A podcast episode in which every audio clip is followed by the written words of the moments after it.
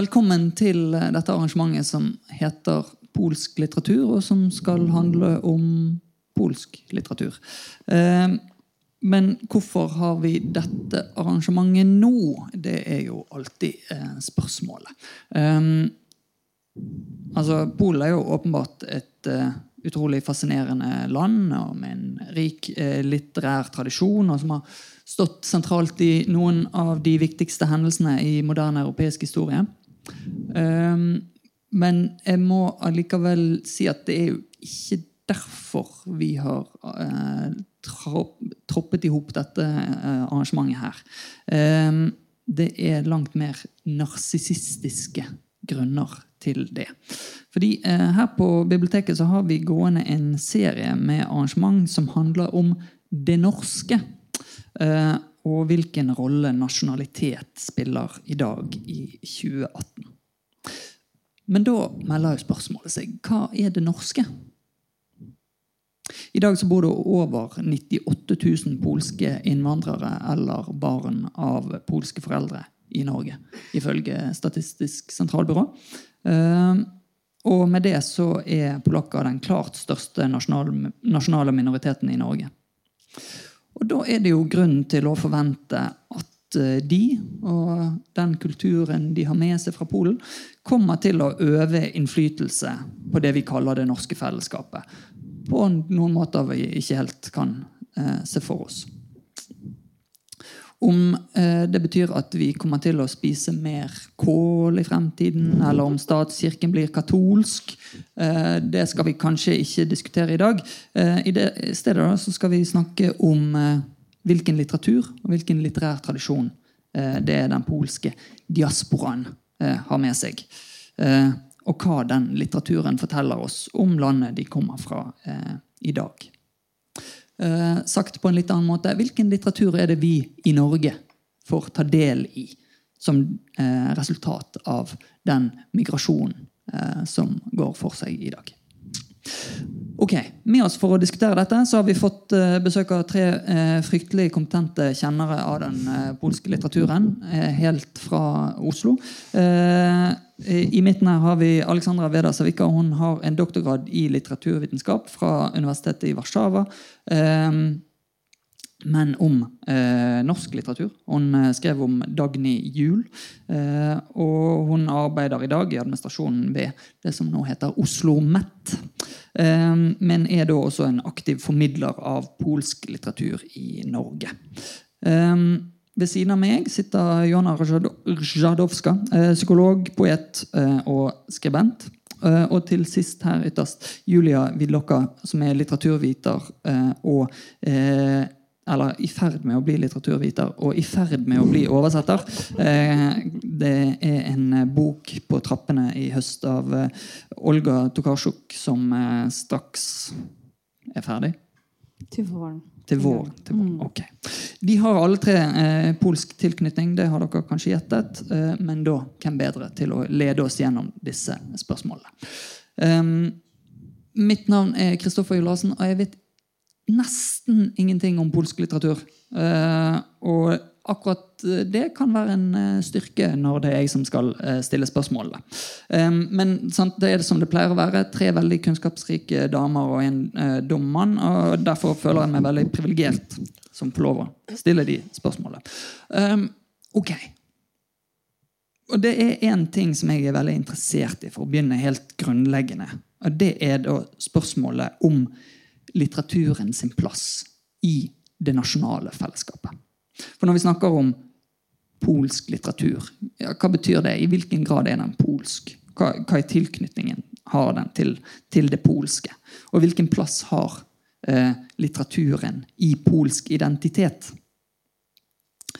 Um, og da tenker jeg vi kan begynne å, å snakke litt om, om det spørsmålet. og ja, Altså, nå skal ikke jeg verken begrense eh, dere men, eller legge føringer på det dere skal si, for jeg vet ikke noe om hva dere eh, skal, skal, svare på det. Så, men jeg tenker at vi kanskje kan begrense oss litt til den i alle fall sånn 1800-tallet og fremover. At vi ikke trenger å gå så mye lenger tilbake eh, enn det.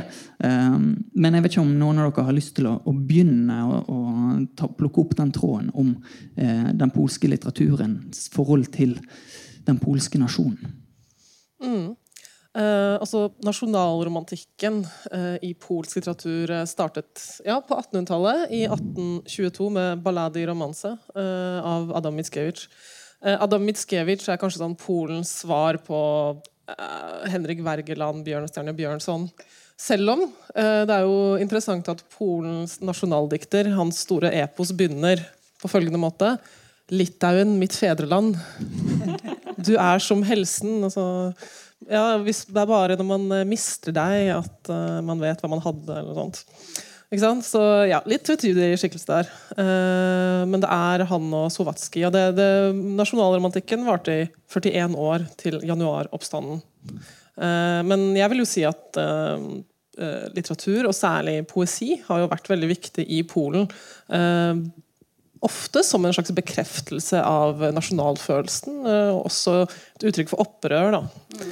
For det er kanskje verdt å si, Hva var grunnen til at på 1800-tallet Eh, var poesi og litteratur så viktig for polakker. Eh, for på slutten av 1700-tallet eh, ble Polen revet mellom tre land. Russland, Østerrike og Prøysen. Daværende Prøysen, Tyskland. Og forsvant fra Europas karte for over 100 år. Og da var litteratur det eneste medium Ja, også i musikk, hvis vi tenker på Friderik Chopin. Eh, men litteratur var det eneste medium som på en måte forente polakker revet mellom de tre eh, landene. Så derfor var den var veldig viktig. Mm. Så da eksisterte det på en måte en, en litterær polsk eh, enhet da, mellom disse tre? Eh, ja, nettopp. Eh, Mens landet eksisterte ikke i det hele tatt. Mm. Mm. Mm. Ja, kan, jeg har en liten anekdote eh, altså om, om, hvor viktig poesi er da, eh, hos eh, polakker. Eh, jeg var med og sånn, Jeg var tilfeldigvis eh, Helt tilfeldig gikk jeg forbi kåringen av Årets polakk. Eh, kåringen av Årets kulturpolakk på Operaen, eller hva det var. og en venninne av meg var nominert. Og så, ja, og så møtte jeg liksom, jeg gikk der, kjente ingen Og så møtte jeg en av mine fars venner, en lege. Og han bare grep hånda mi. Det han gjorde. Han bare grep hånda mi. Han bare Ikke gift, nei. Men er du i hvert fall i alle fall lege? Jeg bare Nei, jeg er ikke lege. Og han bare Nei. Jeg var sånn skuffet. Jeg bare tenkte Å, Johanna, ikke si det. Eva, du må dy deg. Ikke bli frista. Men jeg klarte ikke å si ja, men jeg er poet, da. Uh, og han bare wow, superbra! Ville høre alt og ville at jeg skulle komme til Fredrikstad og lese dikt. Og så, så det, det, kunne i hvert fall jeg si. Da, da var jeg liksom redda. da Min ære var reddet, for jeg var i hvert fall poet. Uh, og det sier jo ganske mye om hvor viktig poesi er. Da, fordi poesi er også veldig lest uh, blant polakker, og på en måte mye mer vil jeg si, enn i Norge. Uh, Men den er det da altså for Den relasjonen mellom eh, nasjon og, og, litteratur har jo vært, eh, veldig, stått veldig sterkt i, i Norge eh, også. Og særlig da, gjerne for, for poeter som har Eh, gitt uttrykk for eh, denne nasjonalfølelsen. Men har den, det forholdet mellom eh, poesien og nasjonen som da varte med eh, i 41 år, veldig presist eh, altså, Hvordan vedvarte det? Eh, eller hvorfor ble det brutt, og hvordan har det, har det forholdet fortsatt etter romantikken? Ja, vil dere svare på det? Eller? jeg kan godt uh, Gombrowicz, da, for eksempel, kan man jo si noe om. Da. Um, han var jo Jeg vet ikke om noen av dere har lest Gombrowicz i salen? Ja, det var flere. Tre, fire, fem hender. Ja. Han er så viktig at vi må ta liksom, litt sånn full presentasjon. tenker jeg. Ok, ok. Uh, ja, Witold Gombrowicz, uh, sånn enfant terrible i polsk litteratur. Uh, mellomkrigsdikter, modernist. Eh, utga vel eh, her i Norge mest kjent for dagbøkene, som kom, kom på Flamme forlag. Eh, men på 60-tallet så kom også romanene hans på norsk, som bl.a. Dag Solstad, baserte Yrgrønt på, eh, OSV, Hoversholm, alle de, HM. Jeg likte de veldig godt. De er veldig sånn, eh, opptatt av form. Eh, veldig modernisme. Mange ideer. Sånn idéromaner, på en måte. Eh, men det man kan si også om Gombrowicz, at noe han skriver i dagbøkene, er jo hvor kritisk han er til nasjonalismen, og særlig en slags pompøs nasjonalisme. Da. Uh, han, uh, han, sa vel 'Sovjetskij vilken poet som betyr 'Sovjetskij var en fantastisk poet', og han på en måte prøver å punktere den påstanden som en ballong. Da. Uh, han mener at polakker er altfor uh, altså Han gjør veldig narr av polakker. Da. Sånn, herregud, slapp av, liksom, Dere har Chopin, dere har Mitskevic, det er ikke så store folk. Likevel går dere rundt uh, som påfugler og tror det, dere er noe liksom, i europeisk sammenheng. Så han gjorde veldig mye narr av den patriotismen. Han, men for han så var det også det at man måtte bare være litt mer humoristisk. Man måtte på en måte klare å tulle litt mer og ha litt mer selvironi. Og det gjenspeilte seg jo i formen på bøkene hans. Da. At det var mm. veldig viktig for han å være sånn subversiv. Men eh, det forutsetter jo at det eh, Altså det å kunne eh, tulle med, med denne eh, sånn kraftige lyriske nasjonalismen, det forutsetter jo at det er en eh, ganske sterk identitet mellom eh, litteraturen og nasjonen. Eller, altså ennå da, på, på 60-tallet. Mm. Eh, at, at, når, eh, eller når Gomrovic skriver at det forholdet mellom litteratur og nasjon fortsatt er, er, er veldig sterkt, og at det er noe han kan opponere mot. Mm. Ja. Ja. Eh, nå, nå, er det jo sånn eh, at uh, er det sterkt fortsatt? Ja, Det kan man spørre seg om. Jeg har skrevet ned hvor mye nordmenn leser, og hvor mye polakker leser. Jeg var faktisk med på en sånn aksjon for noen år siden, sånn flashmob, hvor, da jeg bodde i Polen. At folk bare satte seg ned midt på Monte Cassino i Sopot. Der har mange nordmenn vært. Sopot Gdansk. Og bare leste bøker. og grunnen til det var at polakker ikke leser bøker lenger. Ja, en, ja 10% leste mer enn syv bøker. 63% leste ingenting. Mens i Norge leser jo 90 har lest minst én bok i året. Da. Så det er jo eh, ganske stor forskjell. Um, mm. Hva tenker dere om det? Ja, det den trenden den har eh, vært ganske lenge, egentlig. Uh, jeg flyttet ut fra Polen for 14 år siden, og allerede da var en aksjon påbegynt. En aksjon som heter 'Hele Polen leser for barn' for å på en måte opprettholde den lesetrenden som bare forsvinner. Uh, dessverre. Så det er, det er, veldig trist at polakker ikke leser. Uh, og jeg har ikke noe idé hvordan man kan forebygge det. Så ja, lese for barn. Kanskje. Men uh, i nåtiden, når folk er sånn, opptatt av sosiale medier, hvor man får informasjon fragmentert Folk klarer ikke å lese store mengder av, eh, av tekster. Mm. Så Pol, eh, eh, den polske litterære enheten blir deintegrert av mediene nå, ikke av politikken? Ja, kanskje det. Så jeg tror noe har skjedd etter, etter kommunismens fall. Så fram til slutten av 80-tallet var litteratur fortsatt en kilde for å gjenforene polakker.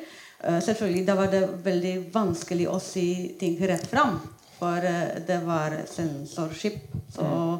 man kunne ikke kritisere kommunistiske myndigheter rett fram. Så måtte man liksom, skrive mellom linjene. Men da de som ville lese det innholdet, leste det i hvert fall etter 1989 Alt var åpenbart. Alt kunne man si. Og da sluttet folk å lese. Nå, er trenden, nå har trenden kanskje snudd seg. For nå er vi litt lignende situasjon i Polen, sånn politisk situasjon i Polen som gjør at igjen er det ikke lov å skrive så åpenbart. Mm. Så kanskje det vil hjelpe å ha sånn regjering som polakker her nå. Ja, for der er jo et, et, eh, en interessant tanke, da. Altså at eh, nå har vi jo en, eh, den bølgen av nasjonalisme som går over hele Europa og kanskje til og med hele verden, den har også slått ganske hardt ned i, i Polen. Den kanskje eh, slått til tidligere og sterkere i, i Polen enn en, eh, mange andre steder. Hvordan forholder eh, forfattere, polske forfattere seg til eh, de, det forholdet? Til nasjonalismen? Ja. det er en del eh, som er kritiske. Sånn som Olga Tokarczuk, eh, også et kjent navn, eh, vunnet eh, Man Booker-prisen i år. Eh, hun har eh, kritisert eh, eh, ja, Det har jo vært veldig mye sånn diskusjon rundt eh, hva, Polen, hva polakker gjorde under andre verdenskrig i forhold til eh, jødene. Om, om, ja, det var jo en sånn myte om den heroiske polakken som gjemte jøder i skapet og ja, var en helt alt der. Men selvfølgelig eh, virkeligheten var mye mer nyansert og ja, kanskje litt vanskeligere. Da. Eh, da kom det en bok som heter 'Frykt' Grosch eh, for noen år siden. Og så nå er den boka blitt forbudt, og alle hans æresdoktorgrader har blitt eh, tilbakekalt. Eh, og nå er det liksom forbudt da, å si at eh, Nå ble det liksom faktisk forbudt. Eh, det er straffbart å si at Polen eh, forfulgte jøder under andre verdenskrig. Så Olga Tokarczuk da, har jo vært en av de forfatterne som eh, ja, hun nekter å sitte stille og bare svelge propaganda. Eh, og- hun har jo fått ekstremt mye dødstrusler og hets og har hatt livvakter. Hun nekter å bare svelge den der nye nasjonalismen.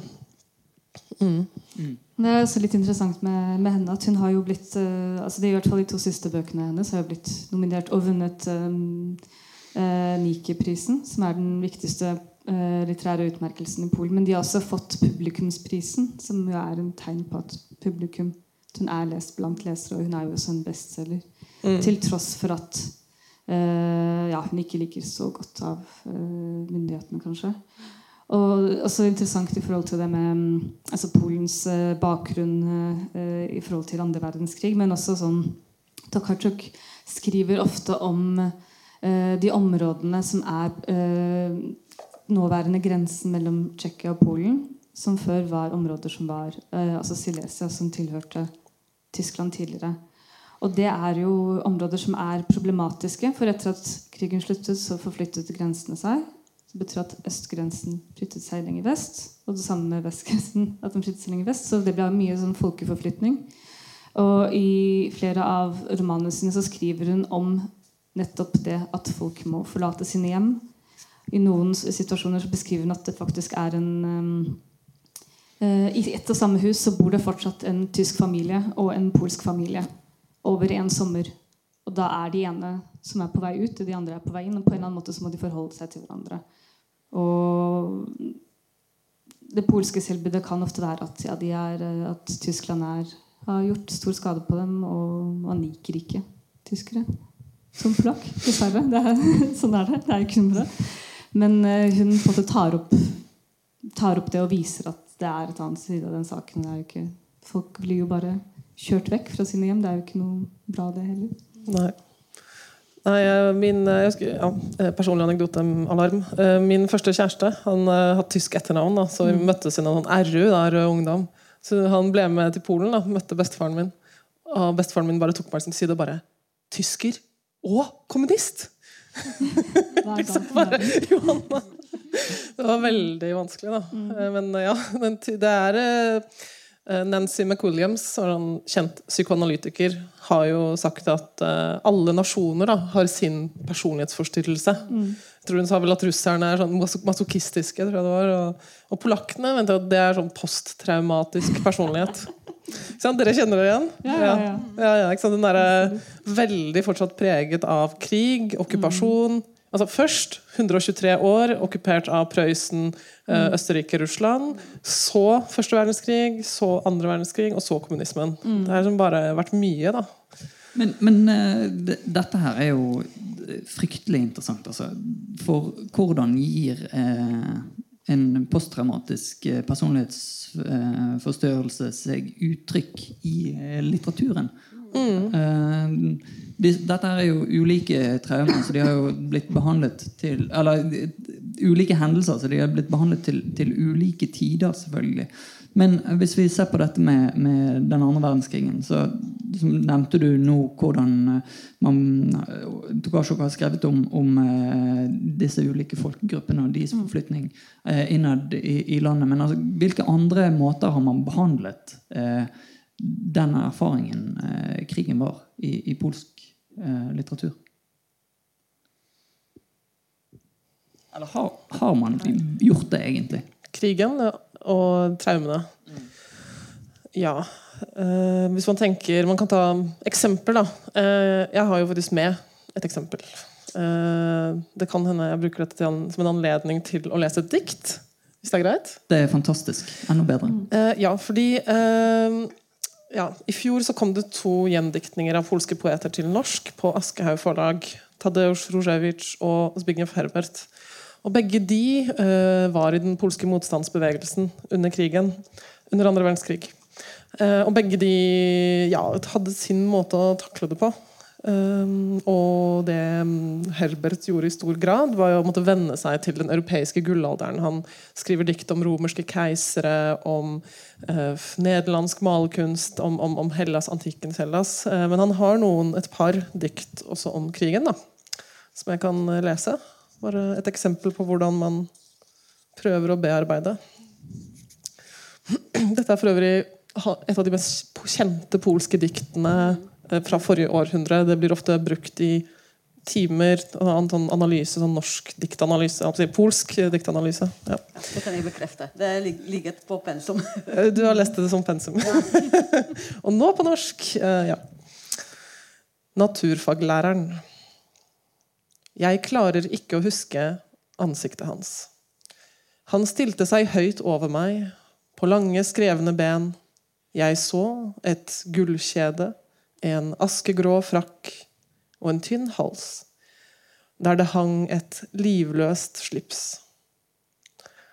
Han var den første som viste oss beinet til en død frosk som krymper seg voldsomt når du berører det med nålen. Han introduserte oss gjennom et gullbinokular for det intime livet til vår forfar tøffeldyret. Det var han som tok meg med eh, og viste meg et mørkt korn og sa 'ergotsopp'. Han overtalte meg til å bli far i en alder av ti år, da vi etter mye anspent venting så en gul spire komme fra en kastanje i vann, og alt begynte å synge rundt meg. I krigens andre år ble naturfaglæreren drept av historiens bøller. Hvis han kom til himmelen, kanskje spaserer han på lange stråler iført grå strømper, med et enormt nett og et grønt skrin, muntert dinglende bak han.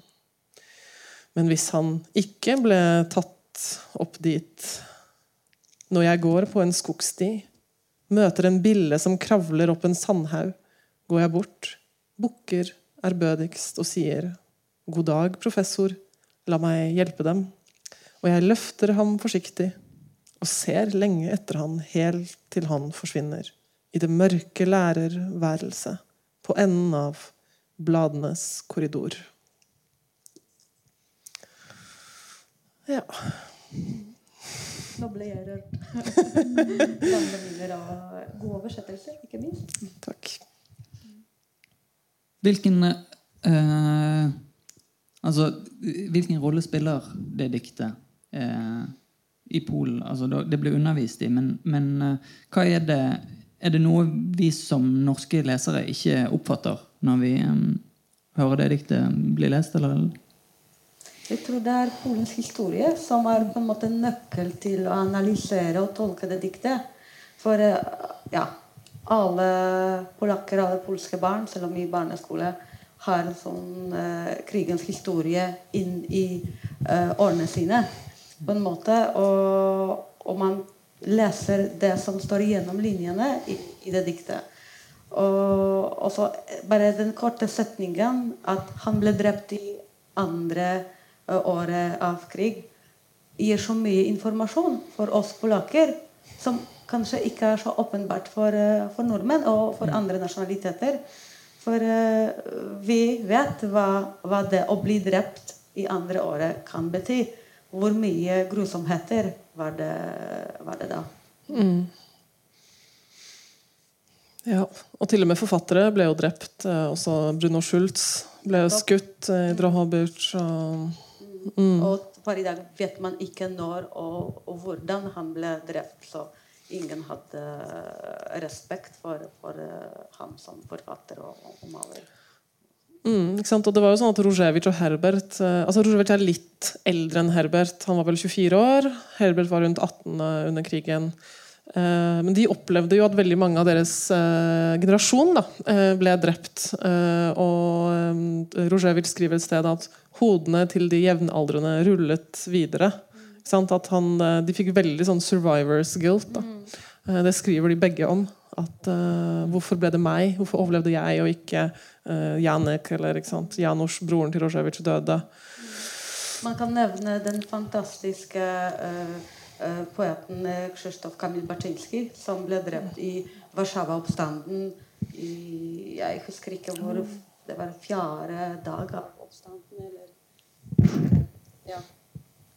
Da ble revet bort. Ja, uh, ja så, så, det var mange uh, fantastiske forfattere og diktere som ble drept. Mm. Um, vi, når vi kom inn på Tokasjo, så kom vi også inn på dette her med det som ikke ble eh, sagt om den, den polske Eh, erfaringen eh, under krigen, og at det å reflektere over den eh, delen av historien som kanskje ikke er så ærerik, har vist seg å være vanskelig i Polen i dag. Hvilke andre måter har polske forfattere behandlet de spørsmålene på?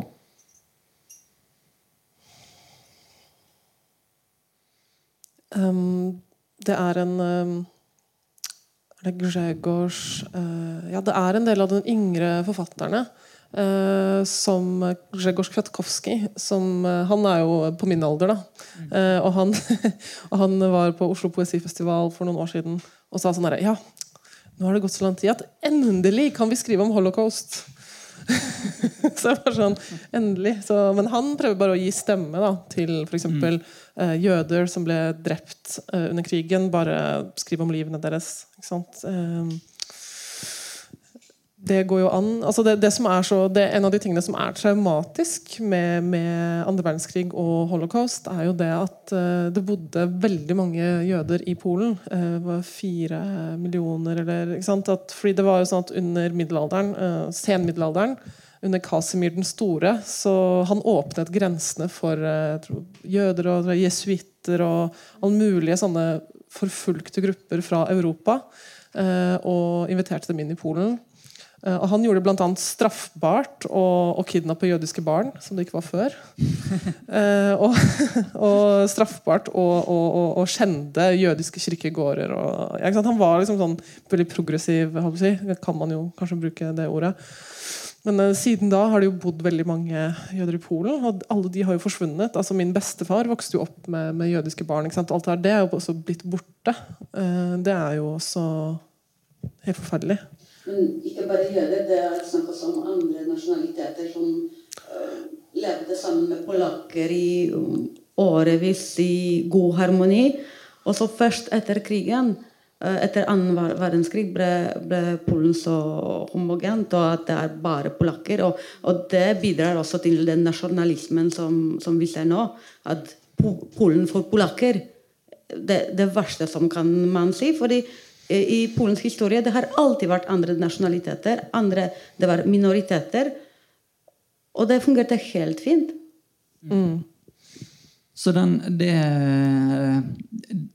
det polske språkfellesskapet som, som eksisterte eh, tidligere, det var, besto også av, av, mange andre eh, nasjonaliteter og, og, og, folkegrupper. Ja, Så ikke rart at Milkevitsj skrev 'Litauen, min fedreland'. sånn. uh, ja, men uh, som min familiens historie um, Uh, min mors familie kommer fra uh, Vilnius-området, så nåværende Litauen. Min fars familie kommer fra nåværende Ukraina. Og, og der eksisterte polakker, ukrainere, litauere i full harmoni. Mm. Ja, min bestemor eh, Farmor kommer også fra Vilnius. Mm, Vilna. Eh, men dette her er nye eh, Polen som da vokser frem etter eh, annen verdenskrig, som er eh, etnisk eh, homogent.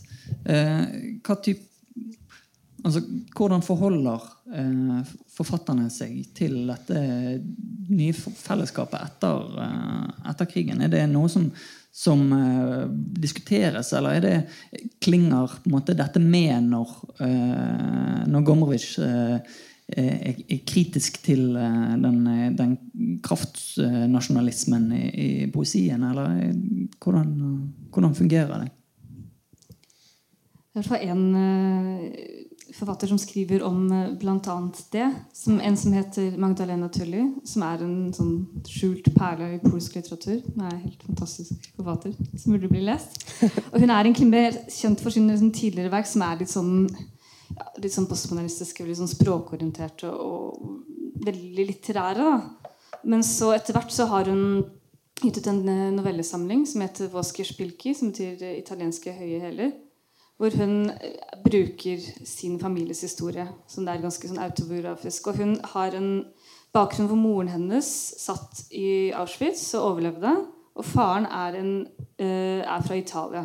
Så hun har en ganske sånn spesiell bakgrunn. Og hun skriver om hvordan det er å være et lite barn på 50-tallet i Polen, så ti år etter krigen. Du har liksom krigen fortsatt til stede. Og i sosialismen og Sovjet og med foreldre som uh, sin, prøver å finne sine strategier på å liksom, overleve. Og hennes blikk blir liksom, resultatet av det liksom, fremmedgjort. Og hun føler, blir sett på som en fremmed fordi hun er uh, pga. sine foreldre. Og, så vi føler liksom det, det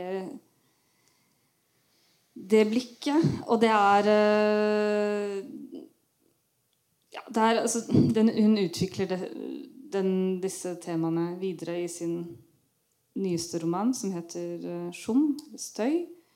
Og der hun, prøver hun på en måte å gå inn i forstå altså gå bakgrunnen og psykologien til disse menneskene. Så lærere på skolen, foreldre, tanter, alle disse familierelasjonene. Og prøver å, prøver å forstå hvorfor, altså hva, hva er der og ens bakgrunn. Og prøver å finne en sånn forklaring. Og prøver å tilgi og, men den tilgivelsen viser seg at det ikke alltid er så lett. Da. Og hun er, det er på en måte sånn der, hvordan barnet da, bærer traumene til sine foreldre. Så det blir på en måte hvordan hvordan leve videre med dine foreldres traume, og hvordan skrive kanskje videre etter alle disse tingene som har hendt.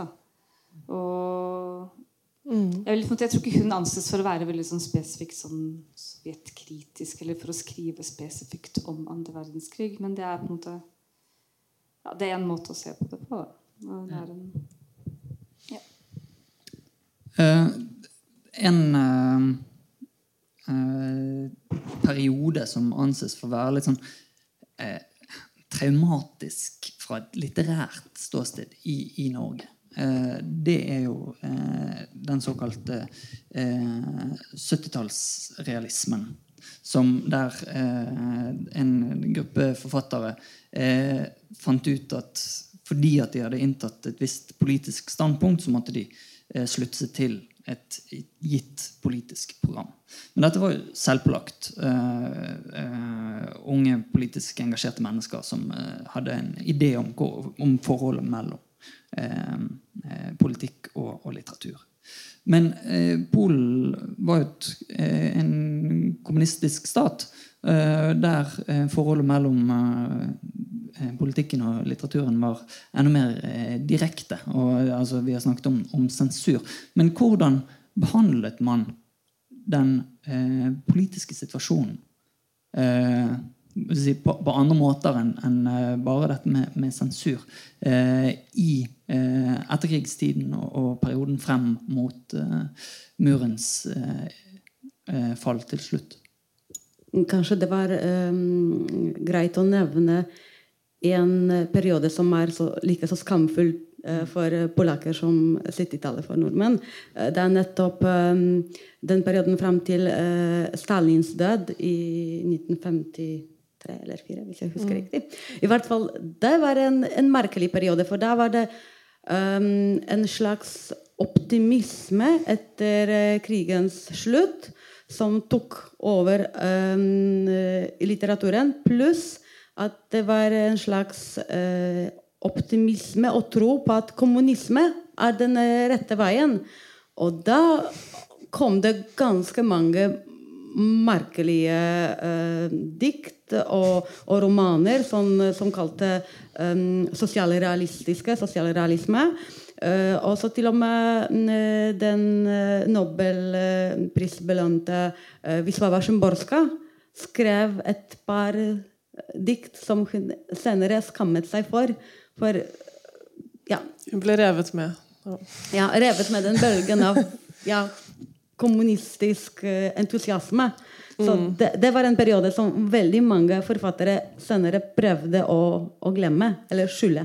Hvordan artet det, artet det, seg? Var det liksom tradisjonell traktor- og fabrikkromantikk? Ja, nettopp. Det var nettopp det. Sånn sterke muskler av byggarbeidere og damer på traktorer og, og slike bilder eh, mm. diktet i, i mm, polske dikt. Ja. Mm. Men var, var, det en autentisk optimisme? Altså Var det faktisk at man trodde på at dette her er Mm. Så, jeg, jeg, tenker at uh, den entusiasmen for å bygge opp Polen på nytt, på nytt var, den var autentiske. Men å uh, skrive om Stalins uh, røde lepper og så hans personlige skjerm Jeg trodde dette var litt over grensen. Over the top, ja.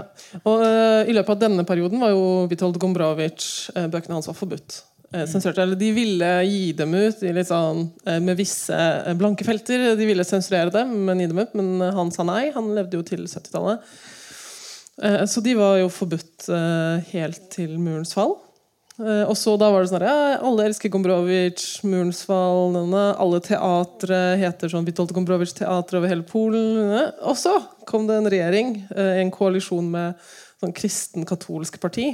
Og de har da igjen, det er sånn backlash, de har fjerna eh, Gombrowicz fra eh, leselista på skolen. Og I Polen er det en sånn stor greie. Da, lektorer, altså Det som du leser på skolen, er en veldig sånn omfattende liste som veldig mange er nødt til å lese. Eh, polske elever leser veldig mye. Som, som, eh, jeg gikk der bare ett år, da, men jeg tror jeg leste over godt over 100 bøker det ene året jeg gikk på skole i Polen. Mm. Men nå i hvert fall Gombrowicz er ikke lenger på den lista. I hvert fall ikke på den obligatoriske pensum. Han er som valgfrie uh, Valgfri pensum. Ja. Som alle leser. Som ingen leser. Ja. Dessverre. Men da jeg gikk på videregående, så vi måtte lese Ferdi de Durke, og jeg hadde stor glede av det. Mm. Så Gombrowicz sin tilstedeværelse i pensum er en liksom indikator på hvor godt det er med kulturen i Polen. Mm. Men uh, Gombrowicz har jo hatt en del altså etterfølgere. Uh, sånn post-gombrowiczianere, uh, kaller jeg dem. Uh, blant annet Mihao Witkowski, som er oversatt til norsk. Uh, 'Tømmerhoggeren' og Skrullestranda. Skrullestranda kom på Oktober forlag i Agnes Banaks oversettelse. Uh, og han, Da skriver han både om Det er litt sånn Gobrovitsjansk-inspirert språk. veldig sånn burlesk, sånn camp, nesten. Eh, og han skriver i 'Skrullestranda' om hvordan det var å være skeiv eh, under kommunismen. Eh, og det er en utrolig morsom bok. veldig levende skrevet. Og den er jo nesten litt sånn journalistisk. For han har oppsøkt disse menneskene som levde i den, i den subkulturen, og, og, snakket med dem og hørt hvordan det var. og Gått liksom til deres gamle trakter og oppsøkt og sånn. Mm, så anbefales veldig god oversettelse og veldig morsom bok. Mm. Så det, det, er litt sånn derre karnevaleske og, og, ja. Er, eh, han er jo Mange ville jo kalt han postmoderne, kanskje. Men den ironien til Gombrowicz og, og sånn, sånn, kritikk av, av, Polen kan man også se hos andre uh, samtidsforfattere. Og uh, jeg vil nevne en av mine uh, yndlingsforfattere, uh, Dorota Masłowska hun eh, dessverre ikke ble oversatt til eh, norsk, bortsett fra et kort utdrag som finnes i det heftet. Det heter 'Litteratura', det betyr litteratur, og ble utgitt i 2010 um, eh, av Polens ambassade uh, i, i, Oslo. Det er utdrag av ti-tolv ja, forskjellige forfattere. Blant annet Dorota Masowska. Og hun skrev en, henne, Hun debuterte som 19-åring, som geni.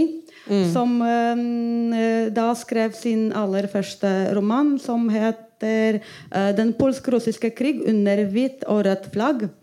Og um, boka ble, ble, beskrevet i en anmeldelse av, av en annen forfatter, Jerzy Pilch. At Masovska, det som gjorde Masovska, var å gå ut av boligblokken på en, uh, på en drabantby i Nordpolen. og å gå ut av boligblokken, se seg rundt og beskrive en pøbel. Og det er det Maslovska gjør. Hun bruker pøbelspråk. Hun ser på verden på, som med, med Pebbles øyne. Og da har jeg veldig lyst til å skrive, som, lese opp uh, et fragment i Agnes Banag' uh, fantastiske oversettelse. nettopp hvordan Polen ser ut, hvordan verden ser ut med Pøbels øyne. Men sånn pøbel, det er de der, Dere har sikkert sett det, sånne bilder av sånn russ, russiske, un, russisk ungdom da, med sånne Adidas-dresser. Eh, ja, ja, nettopp. Som glatt, uh, glatt hode og ja, og tatoveringer rundt øynene. mm. Jeg går ut. Dagen lutter av motgang. Kantene er rullet opp så mye at helt av, av, eh, fra morgenen av, fra morgenen av uh, er det natt. Mamma sier 'Hvor skal du?' 'Ikke gå noe sted. Det er horder av hjemløse hunder der ute. Ikke gå ut.' Og takk til deg, selv om de spiser meg opp, så er, de, de, så, så er dette anstendige hunder, og de kommer snart til å levere meg tilbake, sammenkrøllet, til den adressen som er sydd under kragen på jakken min. Jeg har byens flate, urørte ansikt under føttene mine. Byen er min Eh, er stort minefelt rullet ut foran meg som et øde asfaltland. Så det som Masovska gjør, hun beskriver veldig trist landskap. Polen er, er sånn, Den byen er ikke noe, har ikke noe uh, framtid. Polakker, pols, unge mennesker, har ikke noe framtid. De har ikke noe å gjøre. De har ikke noe å utvikle seg. De, de kjeder seg. De bare tusler rundt og, og ja, driver på rare ting. Dette er altså den eh, såkalt postkommunistiske perioden. Altså mm. eh, friheten som eh, viste seg å ikke være så fri, eh, den heller. Eh, eh, her er det sosial fattigdom og, og det intenst gråe. Eh, hvilke andre uttrykk eh, har denne her postkommunistiske perioden fått i, i polsk eh, litteratur?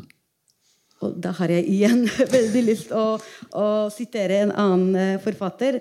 hun, det er Silvia Kubrinska, ikke så veldig kjent. Hun debuterte først med sin første roman i 2015. Um, men uh, det hun skriver, det er sånn litt feministisk perspektiv. Um, hun er veldig opptatt av um, kvinne og kvinnens rolle og hvordan man ser kvinne i nåtidens Polen. Uh, og jeg akkurat nå uh, leser hennes nyeste roman som heter 'Mamma'. Uh, hvor hun beskriver en 19-årig jente som tilfeldigvis blir gravid, fordi selvfølgelig hun fikk ikke noe seksuell undervisning på skolen, og det er ikke tilgjengelig med, med p-piller, og det er selvfølgelig ikke lov å ta abort.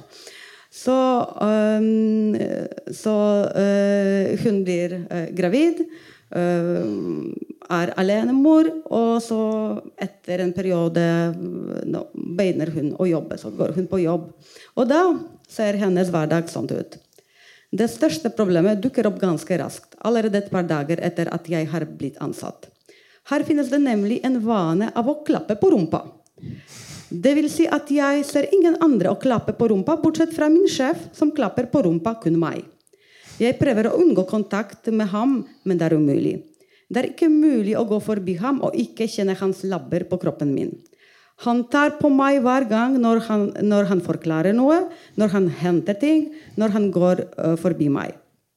Om morgenen, når jeg våkner, er min første tanke hvordan kan jeg, gå, hvor jeg, hvordan kan jeg unngå klaps? Hvordan unngår man klaps? Jeg vet ikke hvordan jeg skal oppføre meg. Hva skal jeg si? Skal jeg si noe i det hele tatt? Jeg er redd. Det er min første jobb. Jeg er redd at sjefen ser ingenting verdifullt i meg bortsett fra rumpa mi.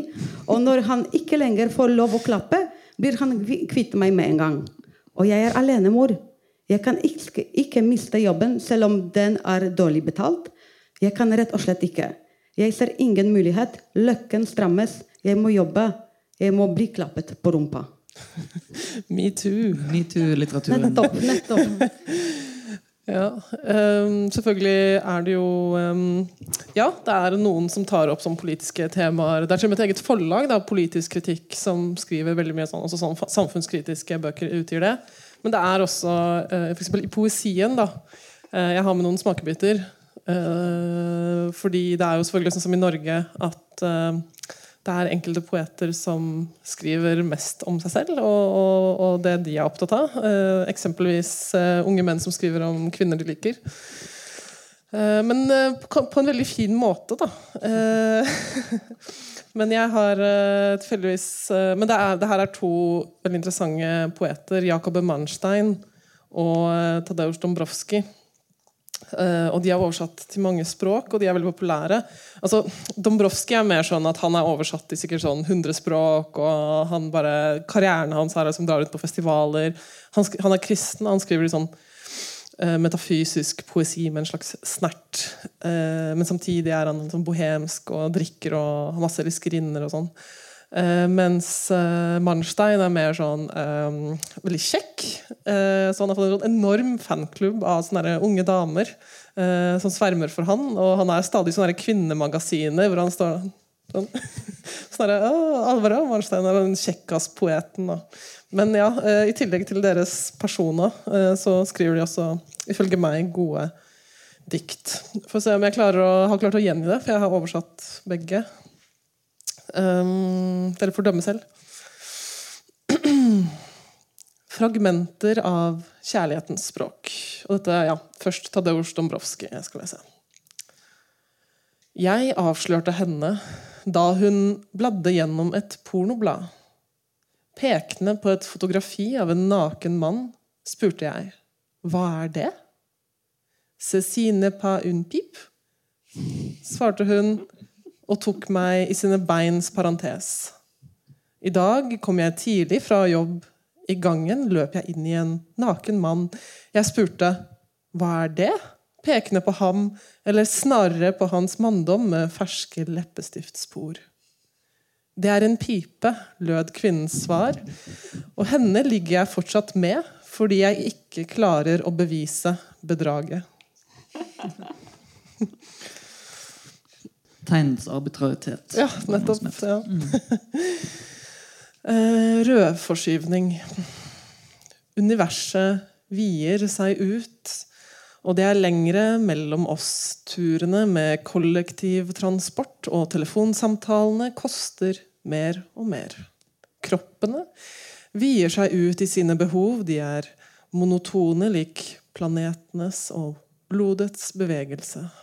Iblant når jeg ikke har sett deg på lenge, synes det for meg at jeg er som universet, og du er alt annet det ennå ikke har nådd. Så ja, det var jo de, um, altså, Apropos sånn der, typisk Polen, da, for jeg intervjuet han for det Nordahl F. Da. da var jeg, jeg var sånn kjempeung student, uh, og han kommenterte veldig mye på hva jeg hadde på meg. Liksom, og Eh, selvfølgelig. Og, og, så var han, da var han liksom redaktør i sånn tidsskrift Topos, og han var liksom arrangerte sånn Poetenes gågate i Stoppot. Og jeg våget å stille et sånn kritisk spørsmål. Jeg bare, ok, men Den, den poetgata du har laget, da, eh, hvorfor er det liksom å si, 19 menn og én dame, og det er Szymborska, nobelprisvinner, som han tydeligvis måtte ha med? Han bare Ja, det kan jo hende at kvinner har andre talenter enn poesi sa han til meg. liksom. Jeg bare, jeg bare sånn Typisk Polen. Ja, eh, men, så, men jeg tenker jo okay, Jeg kaster ikke ut barnet med badevannet. Eh, Jeg liker fortsatt hans poesi. Eh, Men jeg inviterer ikke ham hjem på middag. No platforming. Nei da. Men nå Jakob Manstein, som er også veldig hyggelig sånn på, på det private, da. Om å stige ned i vann. Trikkene strekker seg i sola som duene på taket. De tynne, håndterlige kroppene til uteliggere stuper inn i kjølige bakgårder hvor de forblir ut kvelden, før de blir funnet om morgenen på plenen foran kirken, døddrukne. Spede mødre sleper handleposer, en hel verden stappet ned i plastikk. Barn spenner ben på barn, gatene blør, biler. Parkeringsplassene, lekeplassene, markedene er som et laken i uorden. Solen er en stor, rød kjærlighet på pinne, ikke til å slikke av horisonten. Så en til heter Han har liksom alle titlene hans er sånn Om å stige ned i vann 2. Narrasjon 3. Ja, ja. Bare ikke særlig oppfinnsomme titler, da, i hvert fall. Ja, narrasjon 3. Eh, snart raser bydelskioskene, og man vil måtte stikke til Lidl for å kjøpe drops. Den blonde føler markedets usynlige arm og de mindre formers gradvise fall. Man spytter i hodet på folk som oss, vi som tilhører de mindre former. Wienersk highlife. Vi sitter foran kiosken og stapper i oss drops. Strykingen av vinden i ansiktet er som kyss til farvel. Farvel og god natt. Snart raser bydelskioskene. Dropsenes æra kommer til ende. Wienersk high life blir tatt av fanden. Replikkfordelingen blir uklar. Den blonde mener at det ikke er det verste som kan skje. Det er på høy tid å begynne å virke som en kollektiv protagonist. Jo flere, jo tryggere. Trygghet vil være nøkkelen i denne situasjonen. Yes. Et uh, spørsmål som uh, jeg har uh, lurt litt på, er jo dette med at altså Grunnen til at vi arrangerer dette, er fordi vi har en stor polsk minoritet i Norge. Men i hva grad reflekteres det at Polen er et eh, land som i så stor grad eksporterer eh, mennesker eh, i, i litteraturen? Altså det at så mange eh, unge polakker eh, ser, nødt, ser seg nødt til å, å flytte på seg. Mm. hvordan eh, Det ene er jo hvordan man tenker om det sånn, bare i den, den offentlige debatten, men, men dukker det opp i, i litteraturen? I Norge så det, har vært liksom perioder der mange nordmenn har, har flyttet på seg. og Det har vist seg i noe sånn migrasjonslitteratur, men det har ikke vært mye. Eh, men det dukker kanskje litt sånn opp i bakgrunnen hos Hamsun. Og, og, og litt sånt. Men, men, det er jo ikke et stort tema. Men har det vært et tema i den, den polske litteraturen så langt? Så jeg kjenner ikke til um, en bok uh, skrevet av en polakk som har migrert til Norge. Men det er en polsk forfatter men, men har du skrevet om dette? Nettopp om migrasjon? Nei, jeg har skrevet om roboter. Ja. Uh, nei, men ja, så, så vi snakker om det temaet. Uh, men jeg vil gjerne nevne Hubert Klimko Dobrzanicki, som ikke har emigrert til Norge, men han i en periode uh, bodde på Island. Og da skrev han eh, Da skrev han en bok 'Dom Rouge' jeg husker ikke det andre tittelet. Det var sånn to tittels um, uh, verk. Um, Rosas, Roses hus. Um, nettopp om sine erfaringer som polakk som har migrert til, til Island, og hvordan er det å være der og ja, oppleve en annen kultur. Og oppleve andre polakker som har migrert. For dette kan være litt uh, utfordrende, la oss si det sånn. Den polske pøbelen har også emigrert. Ja, nettopp. Uh, I ganske stor grad. Og det som ja, er kanskje synlig i Norge, det er stort sett polske håndverker og polsk vaskedame, ikke polske litteraturvitere. Nei, men det er jo flere sånn emigrantforfattere. Mm. Um, I Sverige har du jo Maciej Zaremba. Uh, han skriver er det for Dagens Nyheter, en av de store avisene. Han har skrevet en novellesamling som heter 'Den polske rørleggeren og andre fortellinger'. Mm. Uh, som nettopp uh, omhandler dette. Veldig fin bok. Uh, og også skrevet om uh, en bok som heter noe helt annet, 'Hygienistene'. fordi det viste seg at, Han er gravende journalist. Det viste seg at Sverige var etter Tyskland det landet uh, som utførte mest sånn, tvangssteriliseringer i Europa. og han gikk i, og Blant annet at man steriliserte kvinner som bodde i nærheten av sånn militærbaser kjempe sånn single kvinner. Da. Så Merkelige greier i Sverige. Han avslørte det og skrev en bok om det. Men han sånn, skriver også om Polen og polakker i at det ikke er fagforeningsorganiserte OSV. I London eh, eller det er vel Hun er på Isle of White. Eh, Violetta Grzegorzeska. Hun ble også nominert til Man Booker long, Longlist i fjor. Uh, Violetta Grzegorzeska er en veldig, veldig flink poet. Hun har skrevet en prosa, kortprosasamling som heter 'Notatbok fra øya', hvor hun beskriver hvordan det er. Så det er, det er jo noen sånne nedslagspunkter, da. Mm. Er det noen eh, her i publikum som har noe de lurer på, eller har fått en innskytelse i løpet av uh, samtalen så langt, så er det uh, rom for å, for å rekke opp hånden. Eller så kunne jeg godt tenkt meg å høre noen utdrag hvis det er noe dere har med dere som dere har hatt lyst til å lese, som dere ikke har fått anledning til så langt. Julia, jeg vet du hadde, hadde en, en ja, Jeg skulle gjerne, siden jeg driver med sånn tullireklame kunne gjerne lest et lite utdrag av det. Ja, gjør det. Mm. Det er ikke ja, passer ikke så mye til akkurat den historiske konteksten vi har gått inn i. Det er en veldig fin begynnelsen på en veldig fin uh, roman som handler om det å skrive. Så må du stoppe meg hvis det blir for langt. Aldri. Skapelsen av verdener. Ingenting er enklere. Det sies at man kan trylle dem ut av ermet. Men hvorfor? Så de kan være en flimrende fryd for øyet der de stiger opp mot lyset som dirrende såpebobler, før mørket sluker dem. Idet de letter, er det som om de allerede faller. Men er de ikke nydelige? Man påkaller dem uten nærmere ettertanke og kaster dem skjødesløst ut i avgrunnen det finnes ingen som kan redde dem. Fortelleren, som er en heller underordnet figur, vet ikke noe mer. Han innrømmer dette med misnøye.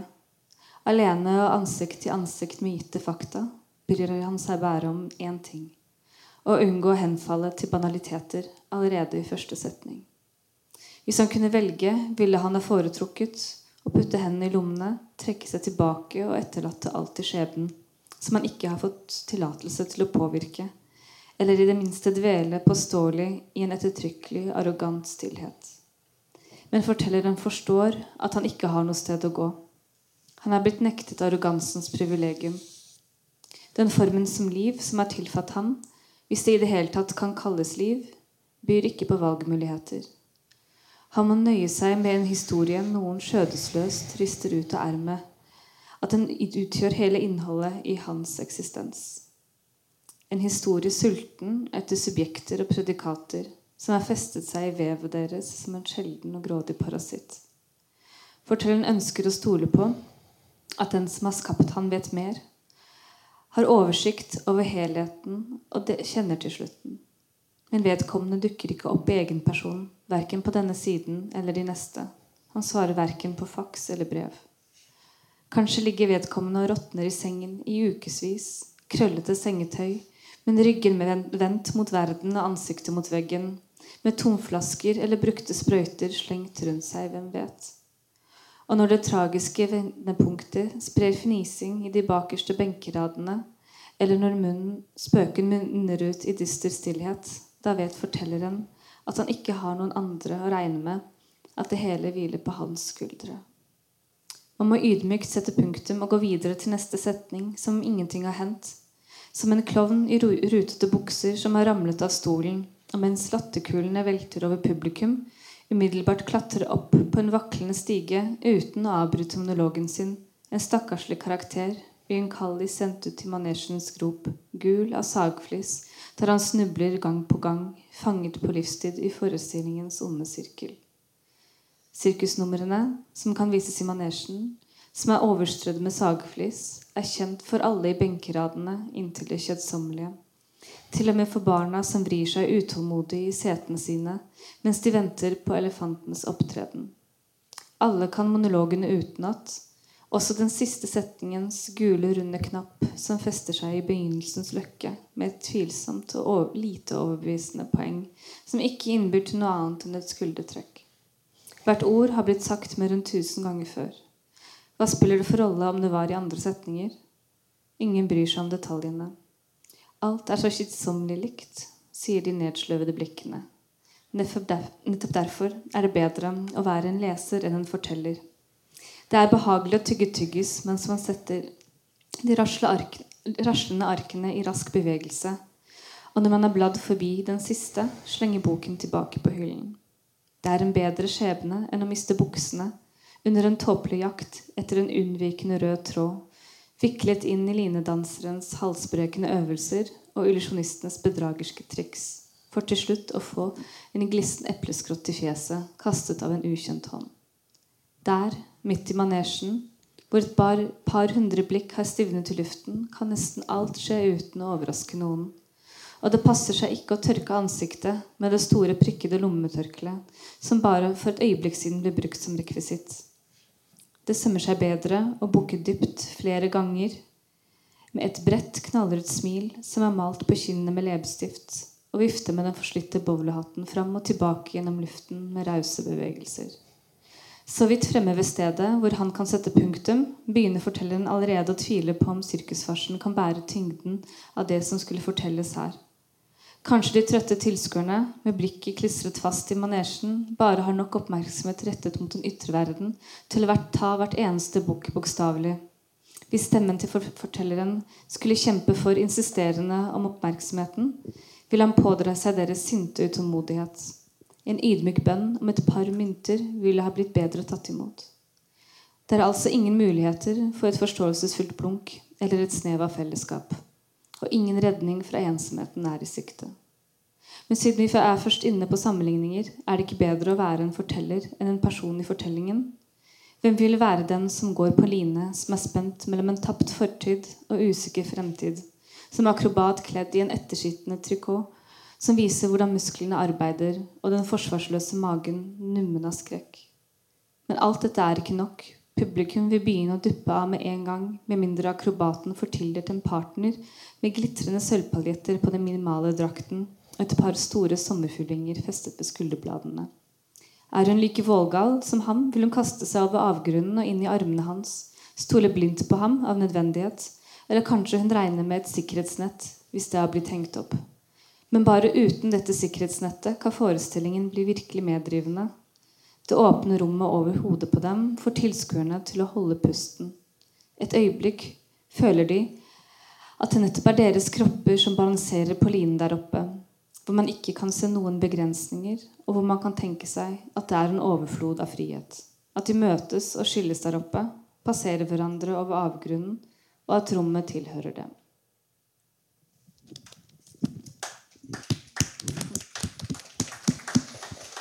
Strålende. Eh, jeg syns det passer at vi bare slutter der. Jeg, jeg kan eh, komme med et PS. Eh, dere, noen av dere har jo hørt om Lest Gombrovic. Men hvis jeg skal anbefale én bok For det blir jo veldig mye sånne et, etternavn og navn, og i tillegg på polsk og så, så, så, 'Løperne' av Olga Tokarczuk. den Man Booker vant i år. Veldig god bok, oversatt til norsk av Aldona Szczepańska. Den er virkelig verdt å lese. Eh, nå er det Gyllendal som har overtatt forfatterskapet hennes og gitt den ut. Så tips fra meg. Eh, Olga Tokarczuk jeg kan sende deg en SMS etterpå, Kirsti. Kanskje vi skal eh, legge ut en liten leseliste sammen med podkasten av denne samtalen. Det tror jeg hadde ja. gjort seg. Eh, hvis vi skal ta det som, eh, som avslutning, da, eh, at dere får velge et eh, boktips hver. Nå har Tokasjok blitt, blitt nevnt. Hva sier dere to? Så vi har nok ikke noe valg, bare å nevne det som er oversatt til norsk. Ja. ikke sant? Eh, så hvis, hvis vi tenker det som eh, er eh, på norsk, så anbefaler jeg Skrullestranda. Da får dere innblikk både i Polen på 70-tallet og sånn litt, litt skeivt blikk på, på Polen i, i 70-tallet. Verdt å lese. Skrullestranda av Michał Witkowski. Ja, Den er altså fantastisk. Utrolig morsom bok. Ja. Jeg må nok stille meg bak Tokarczuk. Og, og Tulli. ikke oversatt til norsk, men hun kommer til Norge neste uke. Hvis noen er i Oslo, så det, kan man møte henne der. Kan man bygge sånn sånn tullig eh, lobby. Ja, det kan man gjøre. Ok, folkens. Eh, takk for oppmøtet. Eh, det er sikkert rom for å stille spørsmål eller eh, skryte av deltakerne her nede etterpå. Eh, eh, jeg syns vi skal gi dem en applaus.